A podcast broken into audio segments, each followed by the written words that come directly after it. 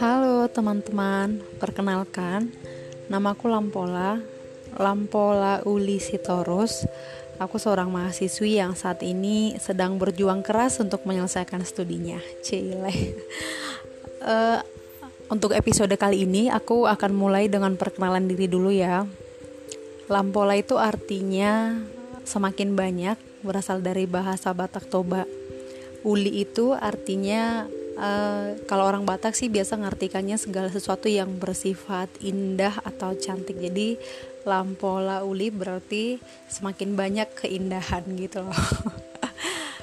hmm, di podcast kali ini uh, sepertinya nanti aku akan sharing uh, tentang banyak hal mungkin agak random kali ya tapi terkhusus aku akan sharing tentang pendidikan dan relationship karena aku suka kedua bidang ini.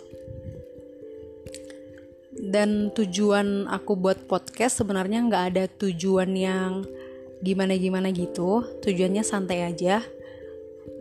Mau merefresh rutinitas yang mungkin membosankan dan uh, sepertinya podcast bisa menjadi salah satu media tempat aku menyalurkan isi-isi pikiranku tanpa harus ngetik tanpa harus menunjukkan uh, wajah dan tanpa harus berpikir keras tentang susunan kalimat-kalimat indah atau kalimat-kalimat yang sesuai dengan EYD sama uh, seperti misalnya saat kita menulis.